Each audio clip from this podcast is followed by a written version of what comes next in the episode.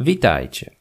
Słuchając Mrocznych Wieków na Spotify lub platformach innych niż YouTube, weź pod uwagę, drogi słuchaczu lub słuchaczko, że w żaden sposób nie zarabiam na nich, pomimo tego, że przygotowanie niektórych odcinków może trwać nawet dwa tygodnie. Jeżeli treści wyjątkowo przypadną Ci do gustu, możesz rozważyć stałe wsparcie tego kanału przez Patronite lub kupić autorowi jednorazową wirtualną kawę dzięki Buy Coffee. Linki znajdują się w opisie każdego odcinka. Dziękuję, Michał Kuźniar.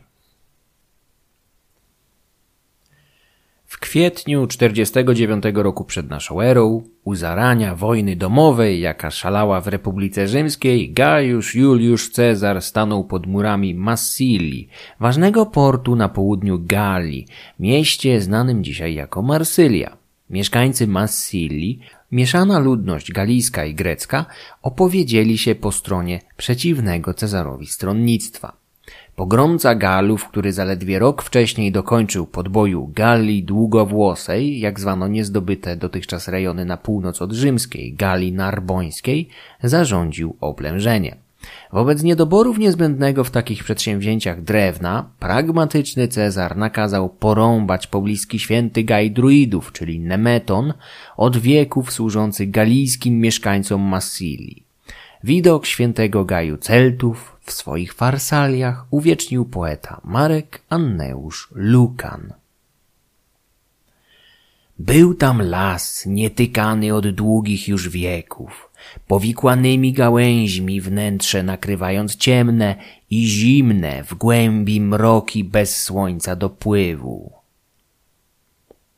Są to święte przybytki bogów obcego rytuału. Ołtarze stoją na kopcach nietykalnych, a każde drzewo przeszło oczyszczenie krwią ludzką.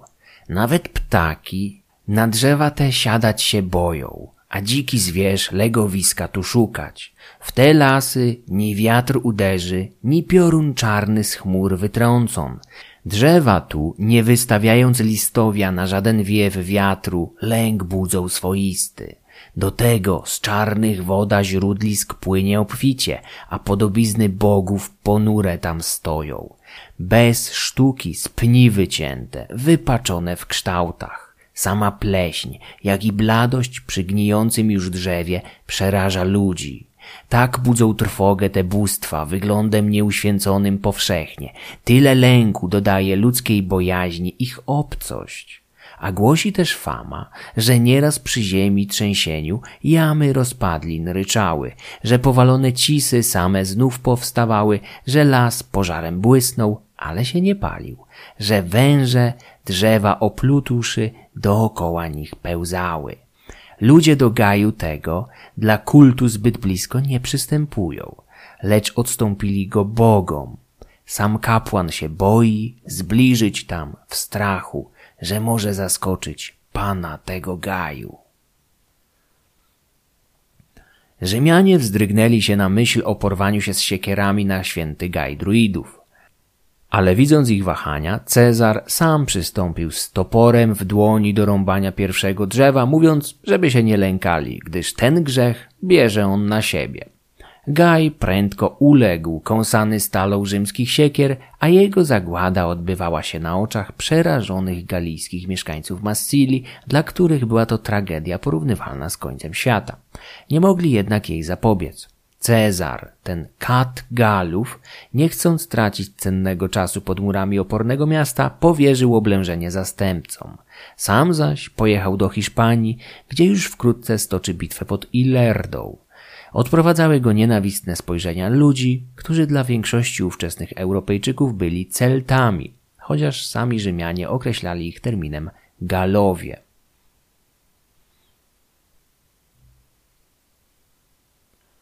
Skąd na naszym kontynencie wzięli się ci ludzie?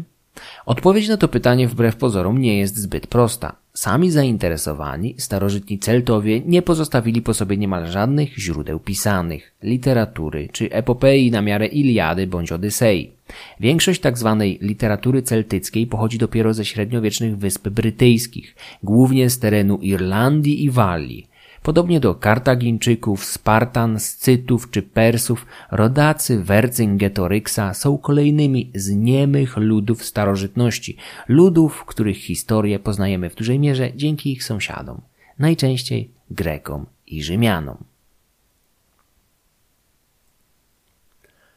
Helleński historyk Hekatajos z Miletu około 517 roku przed naszą erą zanotował jako pierwszy, że olbrzymie połacie północnej i zachodniej Europy zamieszkuje lud znany jako Keltii. Grek nie wiedział o nich wiele. Właściwie moglibyśmy powiedzieć, że nie wiedział prawie nic poza tym, że był to wyjątkowo liczny i wojowniczy lud oddzielony od wód Morza Śródziemnego jedynie wąską barierą fenickich i helleńskich kolonii, obficie rozsianych nad brzegami wielkiego akwenu łączącego Europę, Azję i Afrykę.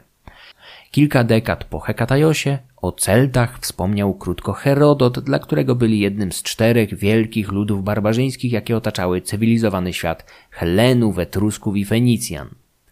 Afrykę, zdaniem Greka, zamieszkiwali Libijczycy, Azję Persowie, wschodnie rubieże Europy znajdowały się we władaniu tajemniczych Scytów, zaś całym zachodem rządzili Celtowie. Próżno oczekiwać u tych autorów rzetelnych i precyzyjnych wiadomości o zaalpejskiej części kontynentu europejskiego. Według niektórych, na północ od ziem skolonizowanych przez nadmorskie ludy cywilizowane, rozciągały się rozległe puszcze pełne dzikiego zwierza, a za nimi leżała kraina szczęśliwych i nieuchwytnych hiperborejczyków, która z biegiem lat i poszerzaniem się wiedzy o świecie umykała coraz dalej na północ. Z czasem uświadomiono sobie, że zapewne nigdy nie istniała. Źródła pisane zaczynają opowiadać celtycką epopeję od schyłku VI stulecia przed naszą erą. Ich ilość zaś stopniowo przyrasta, szczególnie gdy do gry wchodzą coraz silniejsi Rzymianie.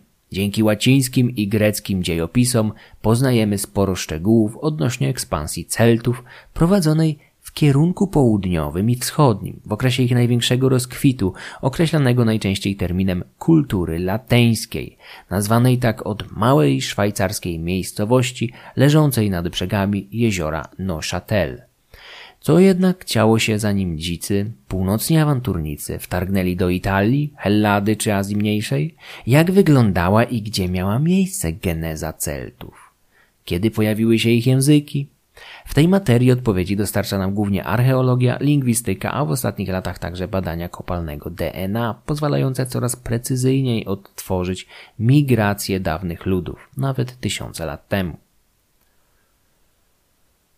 Celtowie są ludem indoeuropejskim, potomkami przybyszy ze wschodnich stepów rozciągających się na północ od dzisiejszego Morza Czarnego i Kaspijskiego. Stepowa migracja na zachód, zapoczątkowana około 5 tysięcy lat temu, z czasem przeobraziła kontynent europejski. Indoeuropejczycy mieszali się ze spotkaną na miejscu ludnością neolityczną, sporadycznie natykając się także na potomków jeszcze bardziej archaicznych myśliwych zbieraczy.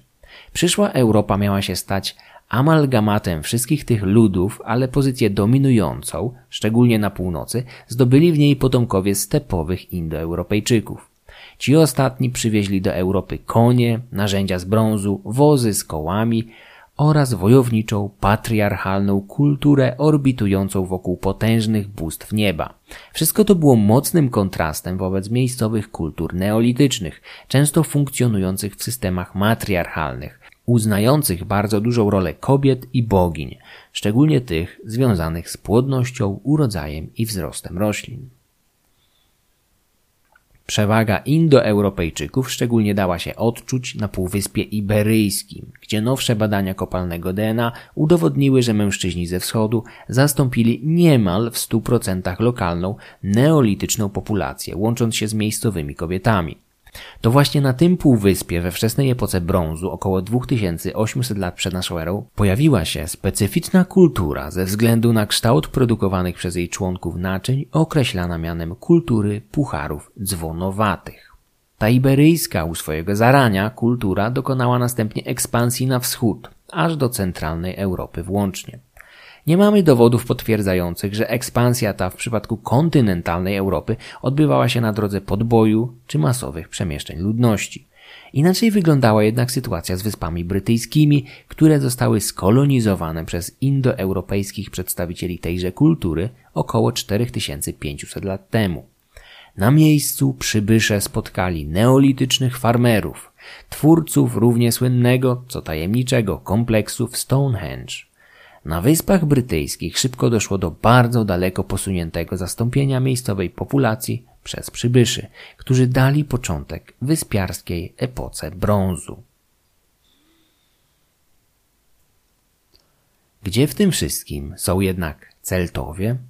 Spotkamy ich już wkrótce. Tradycyjnie przyjmowano, że członkowie interesującego nas ludu wywodzą się z kultury pól popielnicowych, będącej jedną ze spadkobierców wspomnianej wcześniej kultury pucharów dzwonowatych. Około 3500 lat temu w centralnej Europie zaczęły pojawiać się nowe rodzaje pochówków, wyróżniające się dominacją kremacji. Cmentarzyska ówczesnych kultur zaczęły przypominać wielkie pola pełne urn, czyli popielnic, zawierających prochy zmarłych. Tradycyjnie badacze przyjmują, że to właśnie z tego kręgu kultur pól popielnicowych jakieś 3000 lat temu mieli wyłonić się Celtowie. Miejscem ich genezy zaś miał być rozległy obszar rozciągający się od dzisiejszej wschodniej Francji przez kraje alpejskie, południowe Niemcy aż do Czech. Tutaj, około 800 roku przed naszą erą, w malowniczej austriackiej miejscowości Hallstatt, słynnej niegdyś z bogatych kopalni soli, miała narodzić się pierwsza prawdziwie celtycka kultura, znana dzisiaj jako kultura hallsztacka. Stąd w ciągu kolejnych stuleci mieli rozprzestrzeniać się we wszystkich kierunkach, najpierw na zachód, a następnie na wschód i południe nasi kochani Celtowie. W ostatnich dekadach pojawiły się jednak pewne wątpliwości co do realności powyższych założeń i datowań. Na sile przybrała konkurencyjna teoria zakładająca celtycką genezę bardziej na zachód, w czymś co brytyjski archeolog Barry Cunliffe określa systemem atlantyckim zachodnie wybrzeża Europy, obmywane wodami Oceanu Atlantyckiego już w odległej epoce brązu ponad 3000 lat temu były częścią świetnie skomunikowanego systemu. W świecie nieznającym kolei, samolotów czy nawet utwardzanych dróg, nie mówiąc już o autostradach, większa część ruchu odbywała się z biegiem rzek lub w ramach morskiej przybrzeżnej żeglugi. Dlatego też obszary dzisiejszych Wysp Brytyjskich, zachodniej Francji i północnego Półwyspu Iberyjskiego już w epoce brązu były częścią rozbudowanej sieci wymiany handlowej, umożliwiającej przewożenie towarów, ludzi oraz idei. Podobne systemy powstawały wokół Morza Północnego, Bałtyckiego czy Śródziemnego. To ostatnie było podzielone na dwie części zachodnią i wschodnią.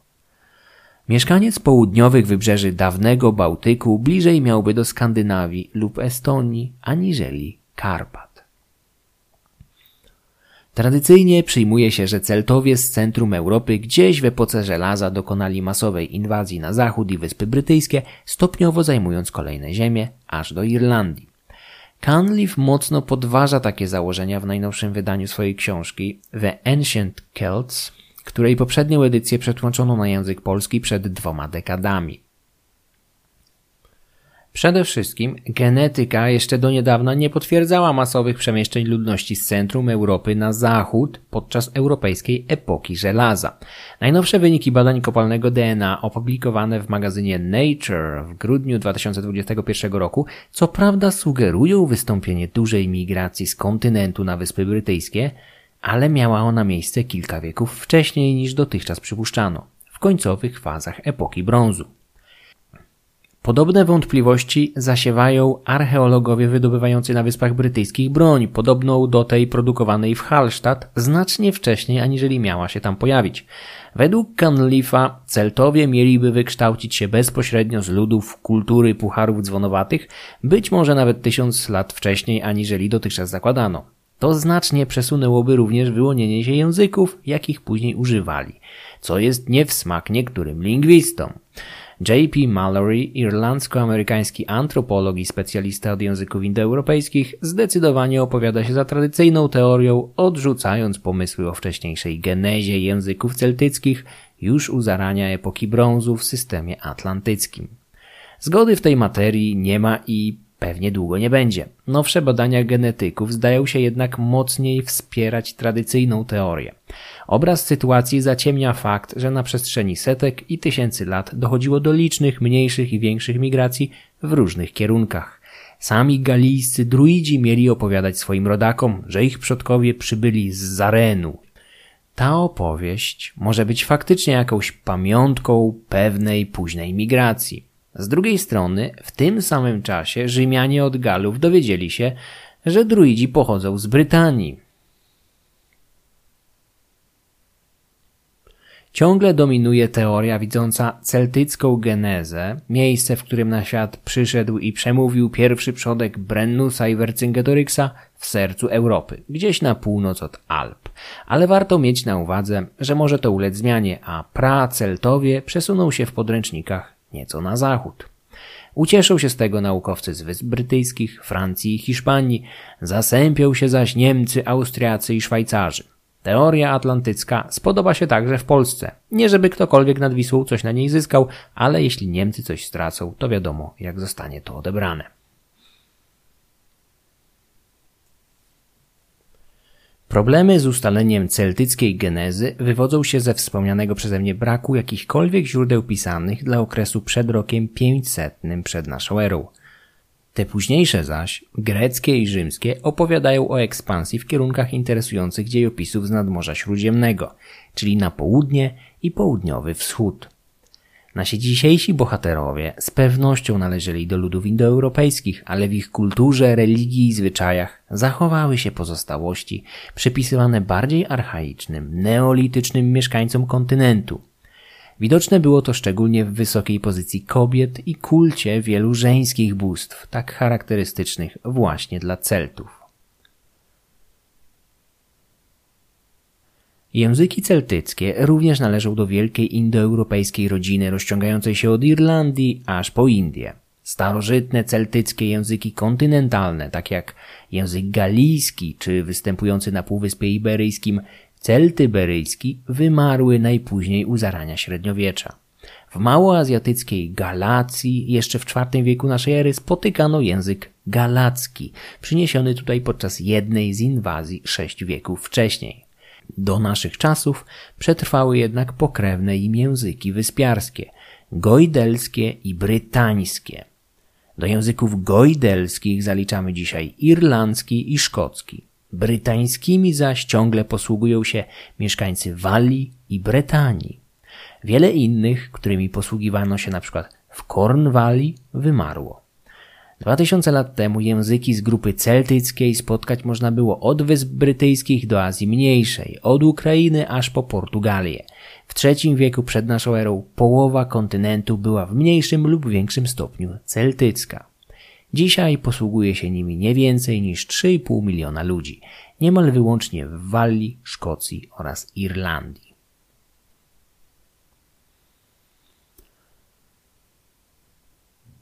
Etnogeneza Celtów rodzi mnóstwo wątpliwości.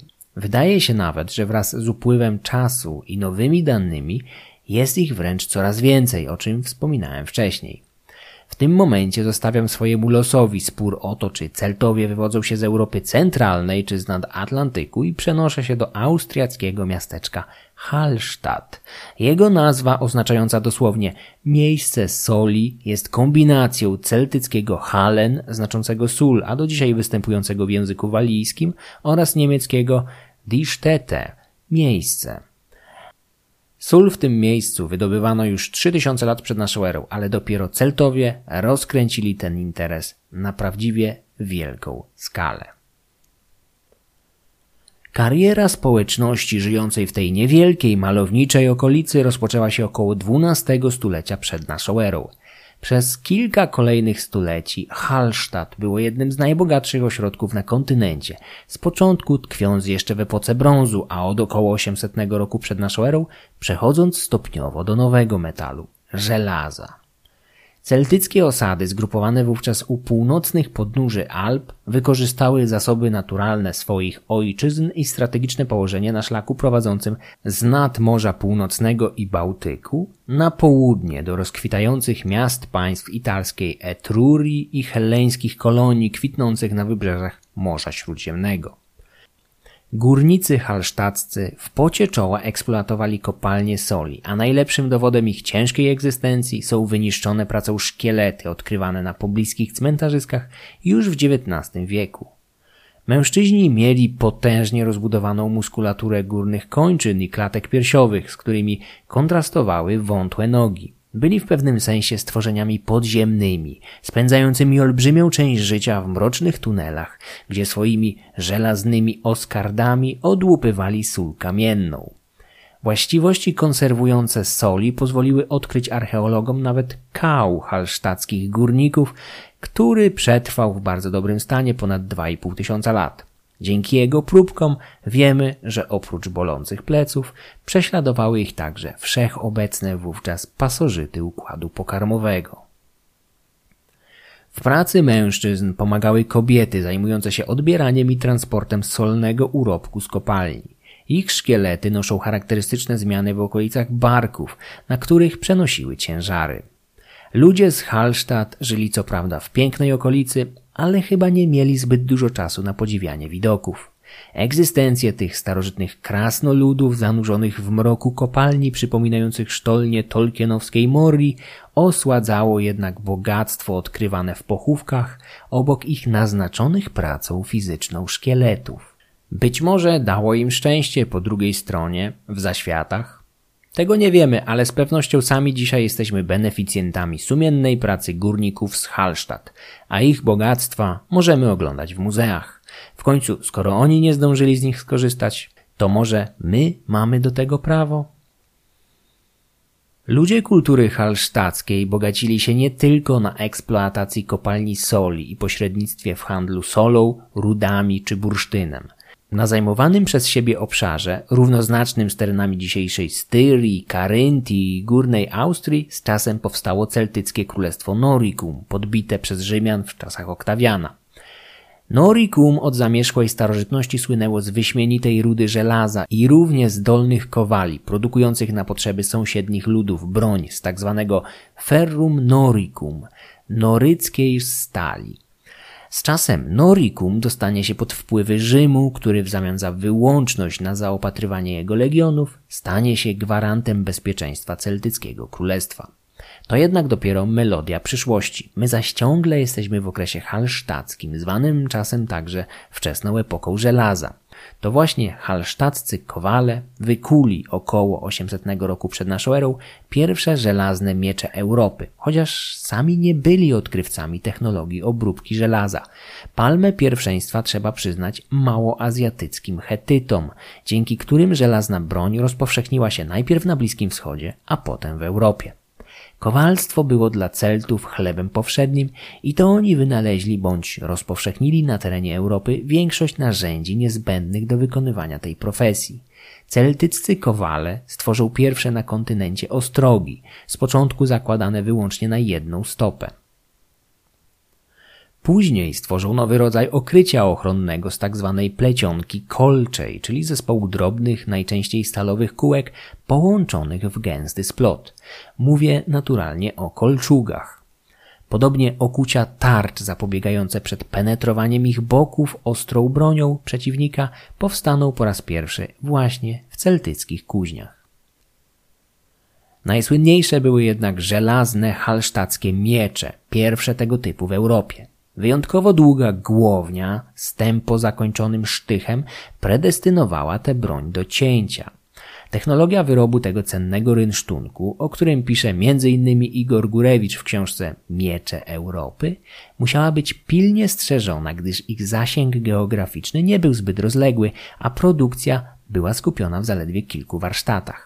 Te cenne miecze stały się prędko znakiem rozpoznawczym celtyckich wojowników, z którymi były składane do grobów, zastępując tak popularne wśród wcześniejszych Indoeuropejczyków topory.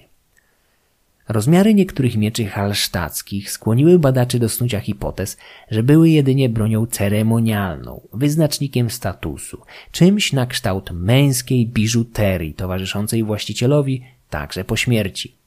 Sami mieszkańcy Hallstatt najprawdopodobniej nie należeli do zbyt wojowniczych i skupiali się na tym, co wychodziło im najlepiej na interesach. W zbiorowej świadomości Celtowie rozgościli się pod postacią półnagich, pijanych, nieco obłąkanych i dość szlachetnych barbarzyńców. Źródła greckie i łacińskie widziały w nich często dzikich okrutników, skłonnych jednak do honorowych porywów serca, ale generalnie pozbawionych zalet wpajanych przez cywilizację. Taka wizja szlachetnych, dzikich i zacofanych Celtów nie wytrzymuje jednak starcia z rzeczywistością. We wczesnej europejskiej epoce żelaza to właśnie Celtowie stanowili cywilizacyjną awangardę, zaś ich rozległa ekspansja wynikała nie tylko z okrucieństwa i agresywności, ale przede wszystkim z przewagi technologicznej nad tymi, którzy stawali im na drodze. Trzeba też zauważyć, że rozpowszechnianie czegoś, co możemy nazwać celtyckim sposobem życia, nie zawsze musiało odbywać się poprzez zaborcze wojny. Podobnie dzisiaj w naszych domach posiadamy przedmioty wyprodukowane w krajach dominujących na polu technologii, które jednak, tak jak na przykład Japonia, nie tyle nie zdominowały świata militarnie, co wręcz sromotnie przegrały na tym polu w ostatnich wojnach. Poza znaczącymi osiągnięciami na polu metalurgii i kowalstwa, Celtowie odznaczali się dużą innowacyjnością w dziedzinie rolnictwa i przetwórstwa żywności.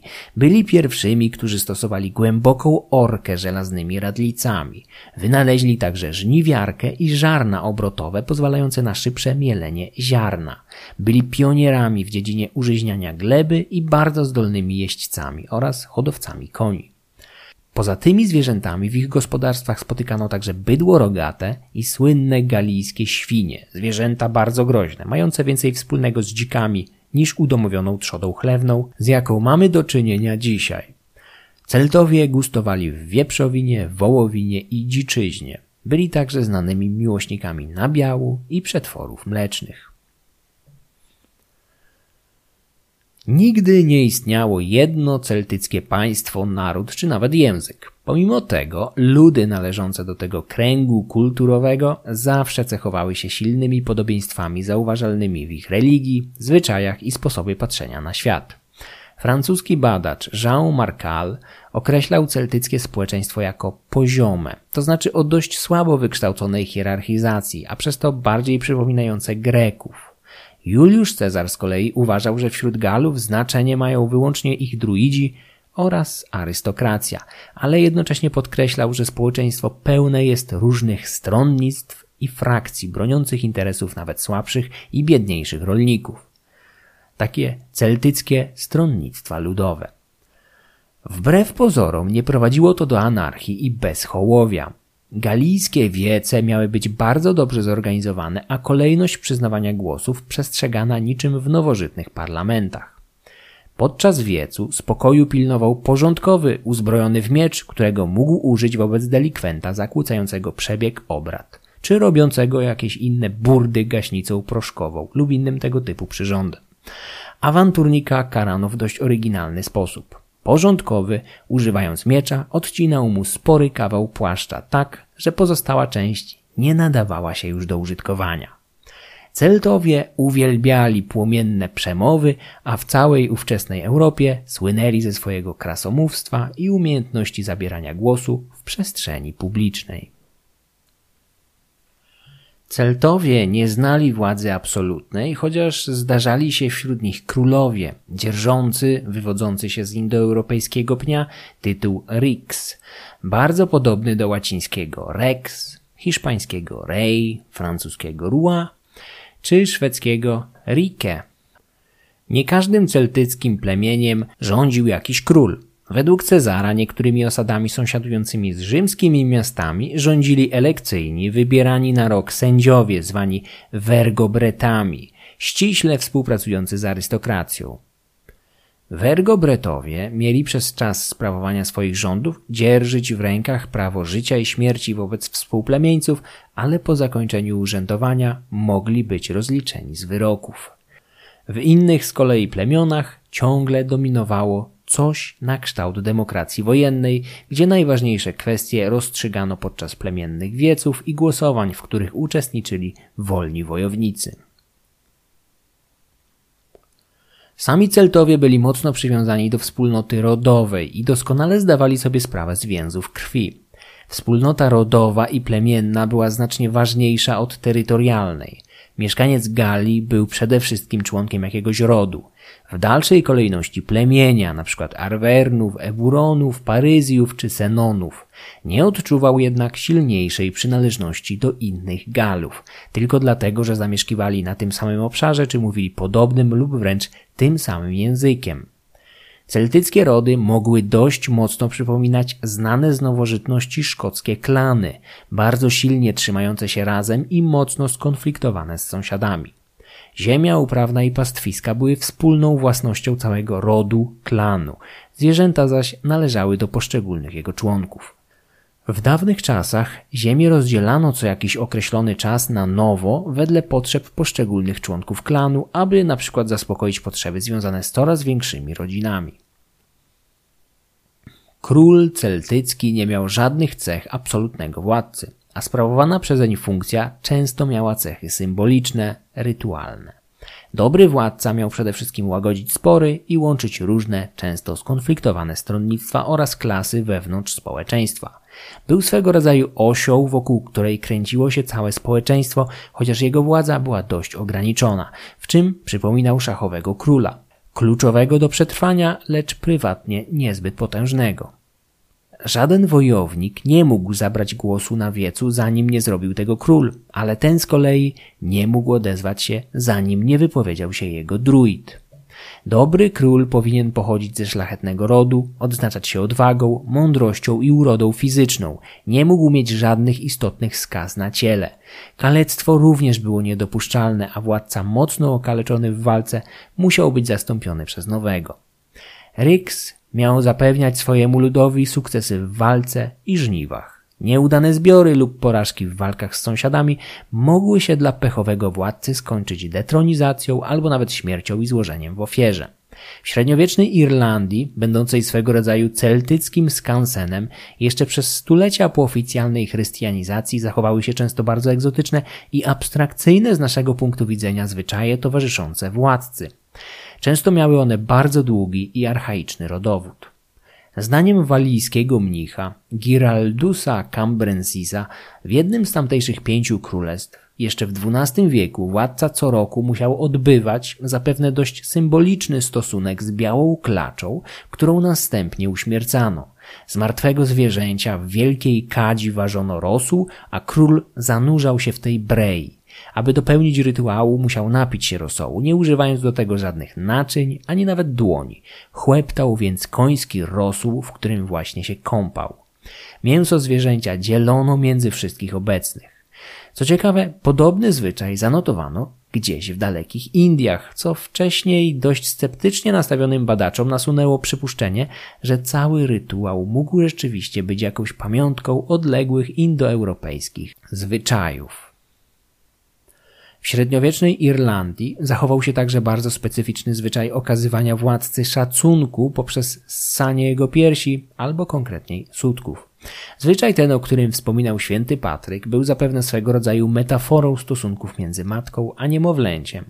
Poddany, który chciał uzewnętrznić swoją uległość wobec władcy, ssał więc jego pierś. Król zaś w tym momencie stawał się symbolicznym rodzicem, opiekunem poddanego. Nie mamy stuprocentowej pewności, czy owo ssanie piersi wspominane przez świętego Patryka nie było jedynie przenośnią. Co ciekawe, archeologowie odkryli w bagnach ciała złożonych w ofierze mężczyzn, być może dawnych królów, którym odcięto zupełnie lub niemal w całości sutki. Być może w ten sposób chciano podkreślić utraconą przez nich zdolność do sprawowania władzy i opieki może owi nieszczęśnicy wylądowali w bagnie symbolizującym coś na kształt portalu między światem żywych a umarłych, właśnie ze względu na zawiedzione oczekiwania? Klęska wojenna lub kilka lat nieurodzaju mogły podważyć wiarę poddanych w magiczną siłę ich władców. Zapewniam, że ten celtycki skansen, jakim jest dawna Irlandia, kiedyś otrzyma swój własny epizod. W końcu, cóż może być bardziej adekwatnego do poruszenia na tym kanale, aniżeli wczesnośredniowieczni, wyspiarscy królowie symbolicznie spółkujący z klaczami, które potem jedli? No i nie zapominajmy o poddanych ssących ich piersi, a wszystko to w dumnych królestwach nie większych niż nasze powiaty. Od króla oczekiwano przede wszystkim hojności, nawet jeżeli prowadziła ona do bankructwa, które zgodnie z celtyckim zwyczajem ciągle było stanem bardziej honorowym od niesławy. Wśród Celtów istniał zwyczaj bardzo przypominający tzw. Tak potlacz, spotykany wśród Indian północnoamerykańskich. Potlacz polegał na wręczaniu sobie wzajemnie darów, ale w taki sposób, aby obdarowany przebił wartość prezentów wręczonych mu przez obdarowującego.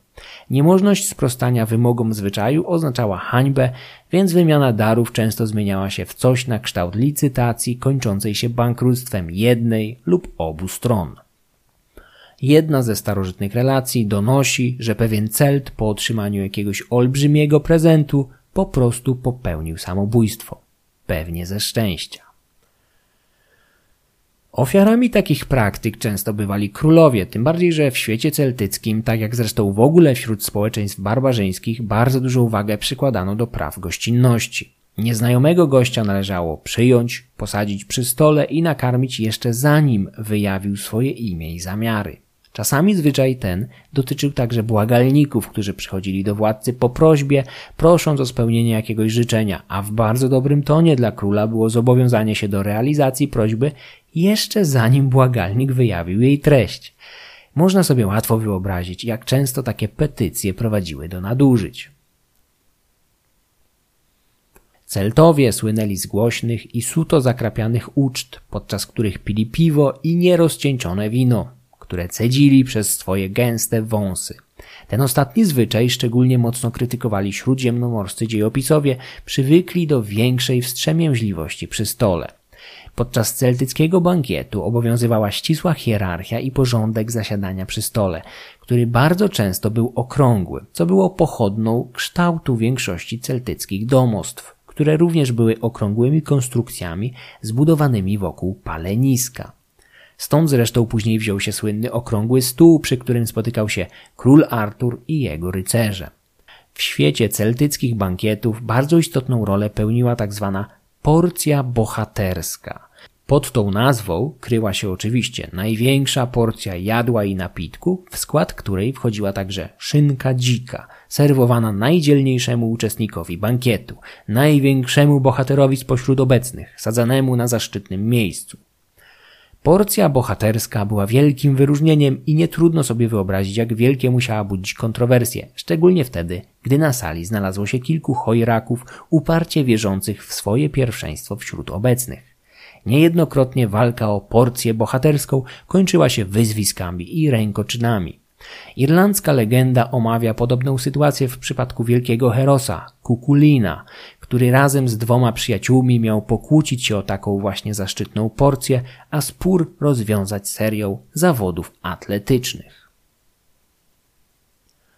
Celtowie osadzeni byli dość mocno na indoeuropejskim kręgosłupie, który upodabniał ich do innych ludów ówczesnej Europy, pozwalając jednak na zachowanie pewnych charakterystycznych osobliwości. Jedną z nich było z pewnością bardzo duże znaczenie kobiet celtyckich, które miały pozycję i swobodę nieporównywalną do tych, jakimi cieszyły się, w cudzysłowie, współczesne im Greczynki i Rzymianki. Przede wszystkim w świecie Celtów istniała instytucja rozwodu, akceptowanego o ile obie strony wyraziły nań zgodę. Oczywiście Rzymianie również posiadali taką instytucję. Kobieta Celtów w przypadku rozwodzenia się z mężem zachowywała majątek, jaki wniosła do małżeństwa. Znano także i stosowano intercyzę. Jakby tego było mało, jeżeli pani domu podczas ślubu wniosła do wspólnoty małżeńskiej majątek przekraczający ten posiadany przez męża, to ona zyskiwała rozstrzygającą rolę podczas podejmowania decyzji o charakterze finansowym. Większość Celtów praktykowała monogamię, ale wielożeństwo wcale nie należało do rzadkości, podobnie jak wszelkie konkubinaty. Celtowie rozróżniali przynajmniej kilka różnych typów małżeństw wiążących się z odmiennymi zasadami, obowiązkami i prawami przysługującymi tak kobietom jak mężczyznom. Z podobnymi praktykami spotykano się zresztą w nordyckiej Skandynawii, gdzie również odmiennie traktowano małżonki będące wcześniej brankami wojennymi, a inaczej te pochodzące z bogatych rodów, które wydano za mąż za zgodą ich rodziny oraz ich samych. Celtowie znali także instytucję małżeństwa kontraktowego, zawieranego najczęściej na rok, a następnie, w przypadku obopólnej woli, przedłużanego niczym umowa handlowa. Majętniejsi mężczyźni mieli po kilka żon, a do tego garść kochanek, ale tylko o ile wcześniejsze żony wyraziły na to zgodę. Żona jakiegoś Brennusa czy innego Vercingetoryksa mogła storpedować miłosne plany męża, zabraniając mu przyprowadzania do domu kolejnej małżonki lub konkubiny. Jednocześnie Celtyjka wcale nie musiała być zainteresowana w uniemożliwianiu jurnemu małżonkowi podążania za zewem natury. Kolejna kobieta w gospodarstwie powinna bowiem w praktyce przejąć część dotychczasowych obowiązków pani domu, więc jej obecność wcale nie była niepożądana. Poligamia była powszechna wśród wielu społeczeństw na przestrzeni ostatnich tysiącleci i często, jak na przykład wśród Mongołów, działała bardzo sprawnie, o ile tylko mężczyzna był w stanie unieść finansowo ciężar kolejnych małżonek i potomków. Samo wychowanie potomków przebiegało u Celtów dość osobliwie.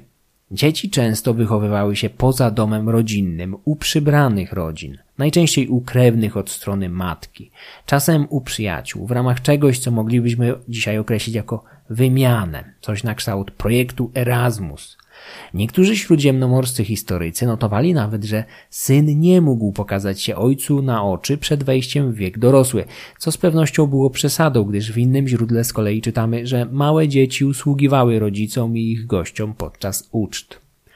Niezbitym faktem była jednak duża popularność instytucji przybranych rodzin, która pozwalała młodemu człowiekowi nawiązać dodatkowe, często bardzo ważne z punktu widzenia jego rodu czy plemienia, relacje. Potomkowie znaczących wodzów i arystokratów wychowywali się na dworach innych ważnych rodzin, z którymi łączyły ich później bardzo bliskie stosunki, niejednokrotnie dorównujące zażyłością tym posiadanym z biologicznymi rodzicami lub rodzeństwem. Podobnie duże znaczenie przywiązywano do tak zwanego mlecznego rodzeństwa. To jest takiego, które choć nie było spokrewnione z kimś biologicznie, zostało wykarmione tą samą piersią, najczęściej niańki. Bliskie stosunki z niespokrewnionymi przyjaciółmi podkreślano także zawiązując braterstwo krwi poprzez zmieszanie lub wręcz wypicie krwi nowego rodzeństwa. Rodzinę w świecie celtyckim można było sobie czasem wybrać, chociaż nigdy nie lekceważono relacji krwi. Starannie pielęgnowano w pamięci świadomość pokrewieństwa z innymi ludźmi, tak, że za krewnych uważano przynajmniej tych spośród nich, którzy do szóstego pokolenia wstecz mogli wykazać się jakimiś wspólnymi przodkami. W niektórych relacjach mówi się nawet o kilkunastu pokoleniach wstecz. Przeżytkiem matriarchatu mógł być sposób, w jaki traktowano kobiety w obrębie klanu. Strabon notował, że wszystkie starsze kobiety Celt tytułował matkami, a młodsze siostrami. Celtowie bardzo łagodnie traktowali także dzieci nieślubne, które w odróżnieniu od innych kultur nie musiały być traktowane z pogardą jako bękarty. W celtyckiej mitologii, głównie tej spisanej na Wyspach Brytyjskich, główni bohaterowie często bywają postaciami o bliżej nieustalonym bądź dyskusyjnym pochodzeniu. Olbrzymie znaczenie w celtyckim społeczeństwie miała klasa druidów, jej członkowie łączyli w sobie cechy kapłanów, nauczycieli, sędziów i doradców dla władcy. Na wiecach przemawiali nawet przed królem. Zdaniem Cezara obok galijskiego rycerstwa byli jedyną naprawdę liczącą się siłą w swoim społeczeństwie. Nazwa druid nawet dzisiaj jest trudna do rozszyfrowania. Pliniusz uważał, że wzięła się od starożytnego określenia dębu, drzewa świętego dla praktycznie wszystkich Indoeuropejczyków. Druid mógł więc być mędrcem dębu albo nosicielem mądrości dębu. Chociaż nowożytni lingwiści mający znacznie większą wiedzę o językach protoindoeuropejskich sugerują, że nazwa całej klasy mogła oznaczać ludzi, którzy widzieli lub wiedzieli więcej niż inni, czyli takich superwidzących. Obie hipotezy mają swoich zwolenników, a poza nimi wykiełkowało w ostatnich dekadach jeszcze kilka innych. Druidowie kojarzą się nam najczęściej z mądrym, choć nieco szalonym panoramiksem z komiksu o dwóch wojowniczych galach. Starsi mężczyźni z długimi mlecznymi brodami i śnieżno-białymi szatami, z nieodłącznym sierpem służącym do pozyskiwania jemioły pasożytującej na świętych dębach. Dąb był dla ludów indoeuropejskich drzewem symbolizującym gromowładnego. Jowisza, Zeusa, Peruna, Tora, Taranisa. Poza tym był jednym z wariantów zmaterializowanej osi świata, tzw. Tak axis mundi. Jemioła zaś, ta wiecznie zielona krzewina pasożytnicza, jak opisuje ją Andrzej Kępiński, w mitologii indoeuropejskiej zawsze symbolizowała jedność życia i śmierci. Szczególnie upodobała sobie dęby, co starożytni odczytywali jako symbol jakiegoś bliskiego związku tej krzewiny i gromowładnego bóstwa. Szczególną czcią darzyły ją ludy italskie i celtyckie. W przypadku tych drugich, ich kapłani druidzi mieli w zwyczaju w określonych porach fazy księżyca ścinać jemiołę porastającą dęby. Pliniusz zapisał, że druidowie podejmujący się tego zajęcia byli przybrani w śnieżno-białe szaty, jemiołę ścinali zaś bardzo ostrożnie za pomocą złotych sierpów, a następnie łapali ją w chusty z białej tkaniny, aby tylko nie dotknąć jej dłońmi. Złoto nie koroduje, jest odporne na rdze, a co za tym idzie bardzo możliwe, że dlatego właśnie uważano je za metal czystszy aniżeli żelazo. Możliwe, że niektóre sierpy były wykonane z odpornego na rdze brązu, który z odległości mógł przypominać złoto. Najdłuższą starożytną relację opowiadającą o druidach zawdzięczamy Cezarowi. Tutaj w przekładzie Tadeusza Woźniaka. Druidzi zajmują się sprawami religii, troszczą się o ofiary prywatne i publiczne, objaśniają zagadnienia religijne. Do nich ściąga znaczna liczba mieszkańców, aby pobierać nauki i w ogóle cieszą się oni wielkim u Galów poważaniem, ponieważ we wszystkich niemal sprawach spornych, zarówno publicznych, jak i prywatnych, to oni rozstrzygają zwłaszcza jeśli dopuszczono się jakiegoś przestępstwa, gdy popełniono zbrodnie, jeśli toczą się spory o spadek czy ziemię. Oni również wyznaczają nagrody i określają wysokość kar. Jeżeli ktoś, osoba lub plemię, nie podporządkuje się ich wyrokowi, wykluczają z uczestnictwa w ofiarach. Jest to tu najcięższa kara – Ci, których takie wykluczenie obejmuje, stoją na równi z bezbożnikami i zbrodniarzami. Wszyscy ich unikają i stronią od kontaktu i rozmowy z nimi, aby przez te kontakty sami nie narazili się na nieszczęście. Nie mają oni prawa dochodzić sprawiedliwości, nie powierza się im także żadnych godności. Na czele wszystkich druidów stoi jeden, który cieszy się największym między nimi poważaniem. Po jego śmierci następcą zostaje albo ktoś wyróżniający się spośród reszty zasługami, albo w wypadku, gdy jest wielu sobie równych, przez głosowanie druidów, a niekiedy nawet z bronią w ręku walczą o pierwszeństwo. W określonej porze roku, w krainie Karnutów, ziemie te uchodzą za środek Galii, druidzi zasiadają na poświęconym miejscu, aby odbywać sądy. Tu ściągają ze wszystkich stron ci, którzy mają sprawy sporne i poddają się ich wyrokom i orzeczeniom. Podobno kult druidów powstał w Brytanii i stamtąd został przeniesiony do Galii i jeszcze ci teraz, którzy pragną go lepiej poznać, udają się na wyspę na studia. Druidzi nie biorą z reguły udziału w wojnach i nie płacą podatków, tak jak pozostali Galowie. Są też zwolnieni od służby wojskowej i wszelkich innych powinności. Wielu młodych ludzi, zachęconych tymi przywilejami, dobrowolnie zgłasza się do nich na naukę. Przesyłają ich też rodzice i krewni. Podobno uczą się tam na pamięć wielkiej liczby wierszy. W ten sposób niektórzy dwadzieścia lat spędzają na nauce. Uważają, że nie wolno tego, czego się uczą, przekazywać na piśmie, choć niemal we wszystkich innych wypadkach zwłaszcza w sprawach publicznych i prywatnych, posługują się alfabetem greckim. Wydaje mi się, że zasada ta została wprowadzona z dwóch powodów. Nie chcą oni, aby ich wiedza stała się dostępna ogółowi, ani by ich uczniowie, zawierzywszy pismu, nie zaniedbali starań o wyrobienie pamięci. Zazwyczaj wielu ludziom to się zdarza, że licząc na pomoc pisma, z mniejszą pilnością przykładają się do uczenia się na pamięć tekstów. Druidzi przede wszystkim pragną wpoić przekonanie, że dusza po śmierci nie ginie, lecz przechodzi z jednego ciała do drugiego i uważają, że wiara ta, usuwając strach przed śmiercią, niezwykle pobudza do waleczności. Ponadto rozprawiają oni wiele o gwiazdach i ich ruchach, o rozmiarach świata i krajów, o naturze, o mocy i potędze bogów nieśmiertelnych i przekazują to uczniom. Relacja Cezara, naocznego świadka galijskich zwyczajów, ma bardzo dużą wartość, nawet pomimo kilku wątpliwych uwag, jak ta o bratobójczych wojnach druidów starających się o objęcie władzy. Podobnie o tej celtyckiej klasie wypowiadało się kilku innych starożytnych autorów, których relacje uzupełniają wizerunek druidów. Szczególnie interesująca jest uwaga o wywodzeniu się ich klasy z Brytanii, co jest dziwne, jeżeli założymy, że dominująca teoria zakłada genezę Celtów w Europie Środkowej.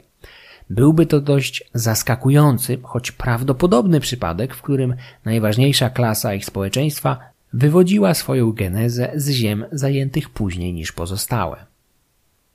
W Brytanii Rzymianie napotkają w kolejnych dekadach już po wojnie galijskiej i śmierci Cezara bardzo silny opór sterowany właśnie przez druidów mających siedzibę na wyspie Mona, znanej dzisiaj jako Anglesey. Opór druidów z Mony złamał dopiero Swetoniusz Paulinus w 60 roku naszej ery pod rządami Nerona. Druidzi byli kosmopolityczną klasą, występującą zapewne na większości terenów zamieszkanych przez Celtów. W Galii zbierali się co roku w sercu kraju Karnutów, zaś miejsce ich spotkań mogło znajdować się w jakimś świętym Gaju, gdzieś niedaleko dzisiejszego miasta Chartres. Gaje takie określano terminem nemeton lub drunemeton, jeżeli w ich skład wchodziły głównie dąbrowy, lasy z przewagą dębów. Być może słynna katedra w Chartres powstała na zgliszczach jakiejś starej galijskiej świątyni bądź gaju poświęconego bogom? W końcu to właśnie na miejscu dawnych kultów budowano chrześcijańskie świątynie, takie jak katedra Notre Dame, bazylika Sacre-Cœur czy kościół Saint-Germain-des-Prés. Druidzi cieszyli się wielkim szacunkiem i znaczną władzą nad społeczeństwem, w czym przewyższali nawet późniejszy kler chrześcijański. Oczywiście ich wpływy musiały różnić się w zależności od epoki lub terytorium. Największe znaczenie mieli na Wyspach Brytyjskich i w Galii. Nic nie wiemy o druidach na Półwyspie Iberyjskim. Cezar wyraźnie zaznacza, że druidzi zazwyczaj nie uczestniczyli aktywnie w działaniach wojennych i byli wyłączeni z obowiązku walki razem z pozostałymi mężczyznami. Zdarzały się jednak wyjątki i odstępstwa od tej reguły. Jednym z nich był Dywicjak brat wodza plemienia Eduów, mieszkających na terenie dzisiejszej wschodniej Francji. Dywicjak był druidem, a swoją wiedzą i błyskotliwością zaskoczył samego Cycerona, z którym miał rozmawiać podczas pobytu w Rzymie. Poza tym jednak był dyplomatą, politykiem i zręcznym wojownikiem.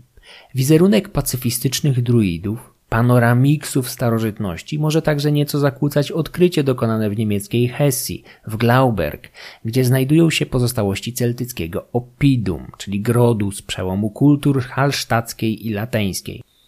W latach 90. XX wieku archeologowie odkryli tam dobrze zachowany pochówek mężczyzny, określanego jako książę, ze względu na złożone do jego grobowca bogactwa. Prawdziwą sensacją było jednak znalezienie tuż obok tumulusu rzeźby przedstawiającej zmarłego, wykonanej z lokalnego piaskowca. Pomnik mierzący 186 cm waży 230 kg i wiernie odtwarzał uzbrojenie, ubiór i biżuterię mężczyzny odkrytego w pozostałościach kurhanu. Najwięcej uwagi przykuwa charakterystyczne nakrycie głowy noszone przez zmarłego, nasuwające skojarzenia z uszami jakiegoś gryzonia, choćby myszki Miki. Nakrycie głowy nie jest hełmem. Na Wyspach Brytyjskich znaleziono pozostałości podobnego artefaktu wykonanego w dużej mierze ze skóry. Jego kształt najprawdopodobniej imituje podwójne liście jemioły, które najczęściej mają także różne wymiary. Zmarły wojownik nosił więc na głowie nakrycie symbolizujące świętą krzewinę spotykaną często na drzewach poświęconych gromowładnemu, ścinaną co jakiś czas przez druidów. Jakby tego było mało, zarówno rzeźba, jak i przedstawiany przez nią zmarły mają niewielki miecz albo raczej sztylet z antropomorficzną rękojeścią, kojarzony raczej z kapłanami niż wojownikami. Poza tym książę z Glauberg ma już bardziej standardowy rynsztunek, jak duża drewniana tarcza czy kompozytowy pancerz. Jego szyję zaś zdobi złoty naszyjnik, wiernie odwzorowany także na figurze z piaskowca. Kim był tajemniczy książę z niemieckiego Kurhanu?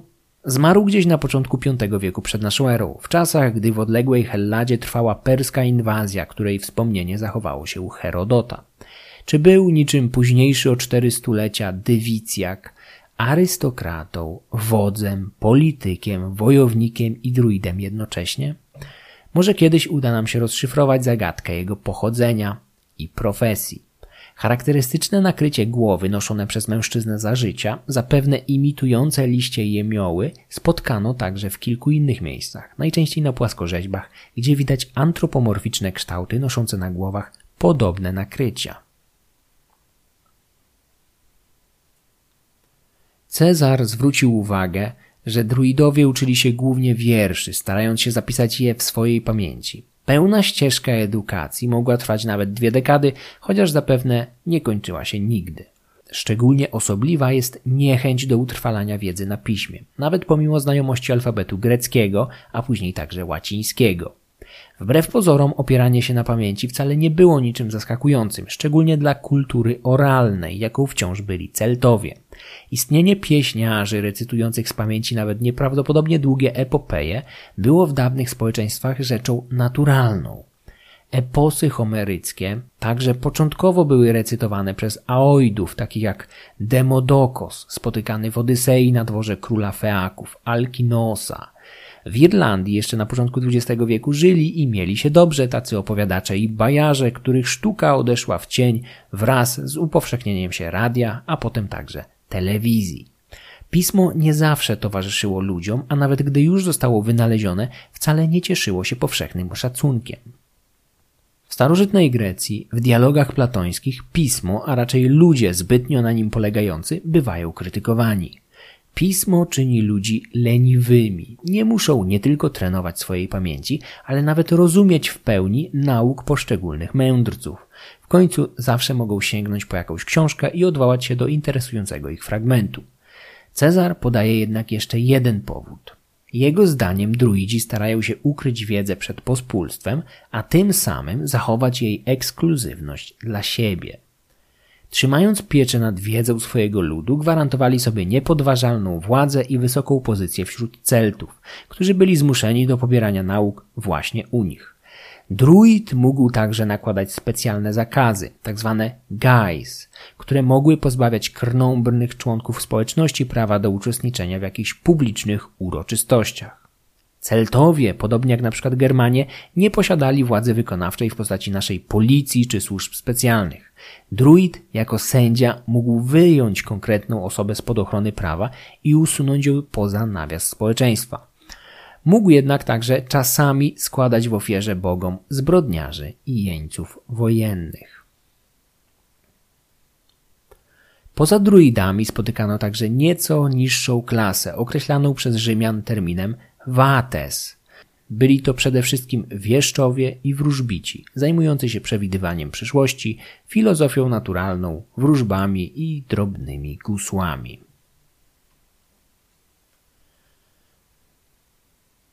Wczesna epoka żelaza w Europie to okres wzrostu znaczenia Celtów, czego najlepszym dowodem są budowane przez nich w strategicznie ważnych miejscach opida, a także przyprawiające o zawrót głowy bogactwa odnajdywane przez archeologów w ich pochówkach.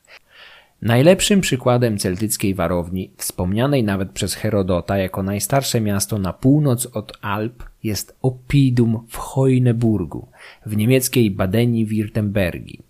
Ufortyfikowane Oppidum wznosiło się na szczycie 40-metrowego wzgórza leżącego tuż nad Dunajem. Miejsce miało strategiczne znaczenie. Pozwalało z jednej strony kontrolować rzeczny ruch handlowy, a z drugiej okoliczne, żyzne równiny pełne małych wiosek i pól uprawnych. Cytadela na szczycie wzgórza dominowała nad okolicą od VII do V wieku przed naszą erą.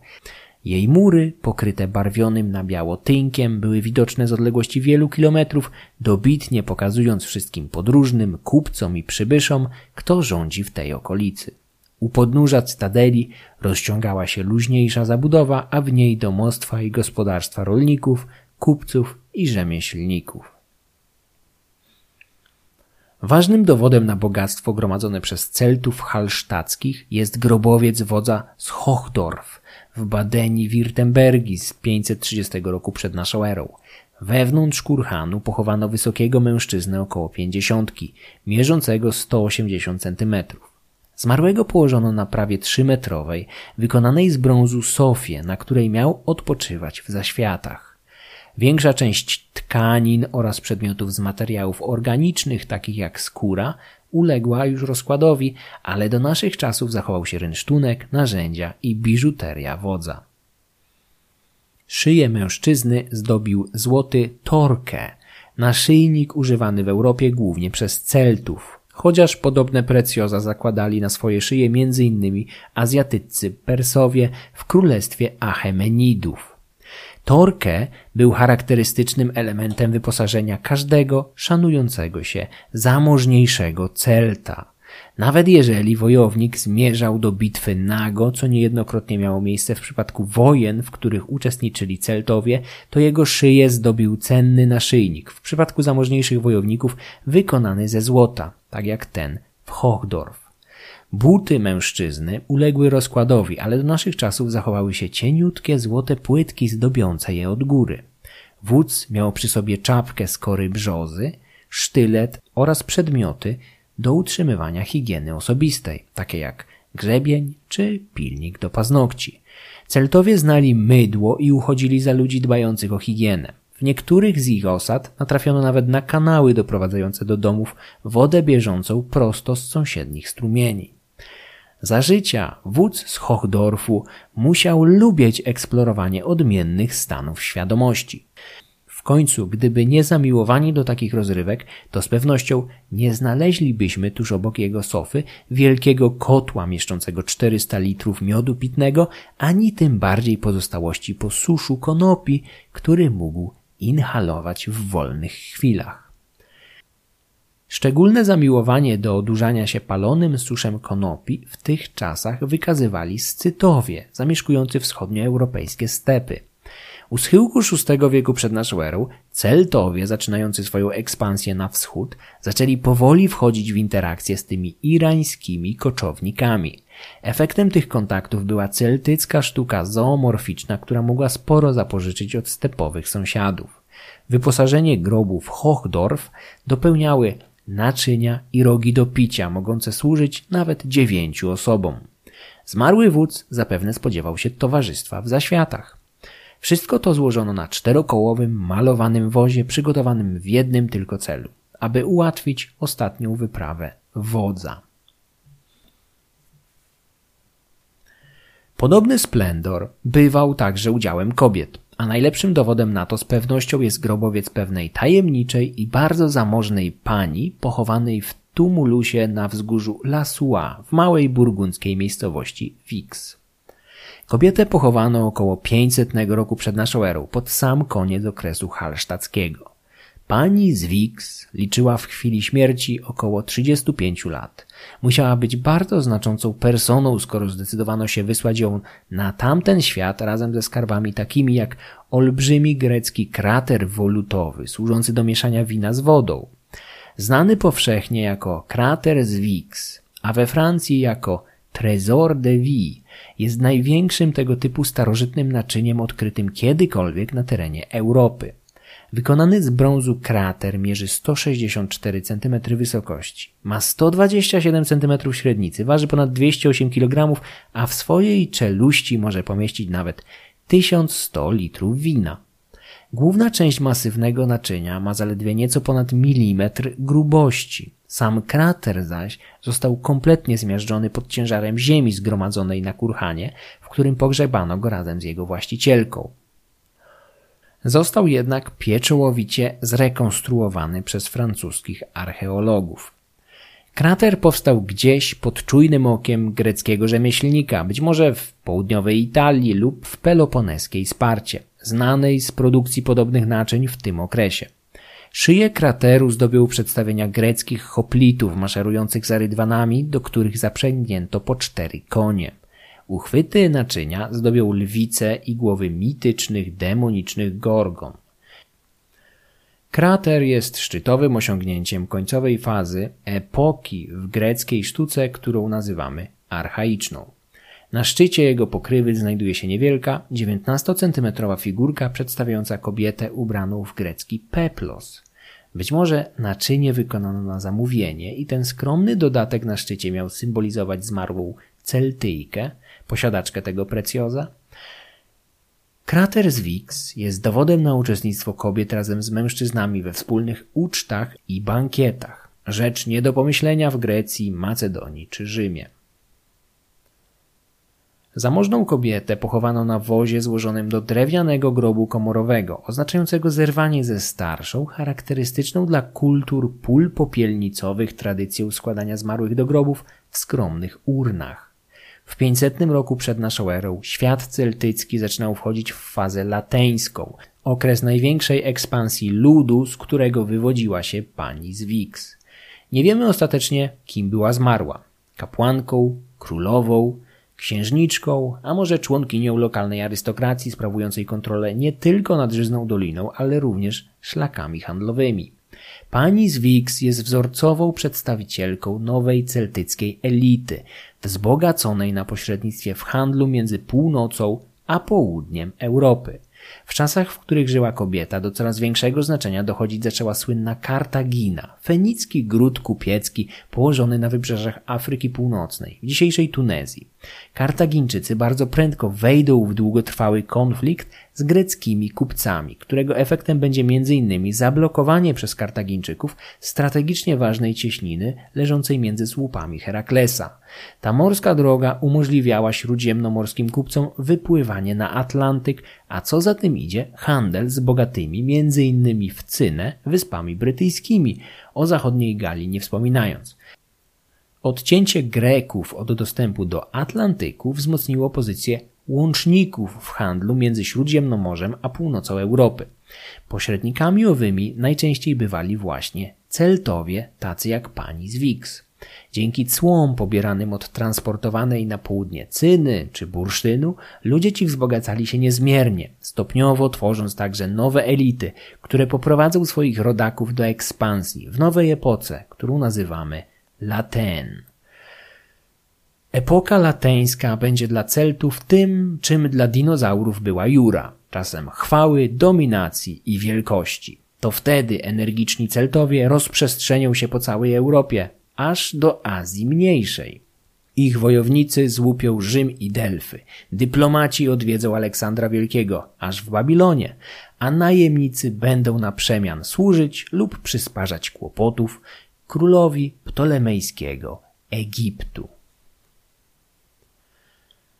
Treść przygotował i przeczytał Michał Kuźniar. Jeżeli spodobał się Wam ten odcinek, możecie rozważyć dobrowolne wsparcie podcastu Mroczne Wieki, cyklicznie poprzez Patronite lub jednorazowo w postaci wirtualnej kawy na Buy Coffee.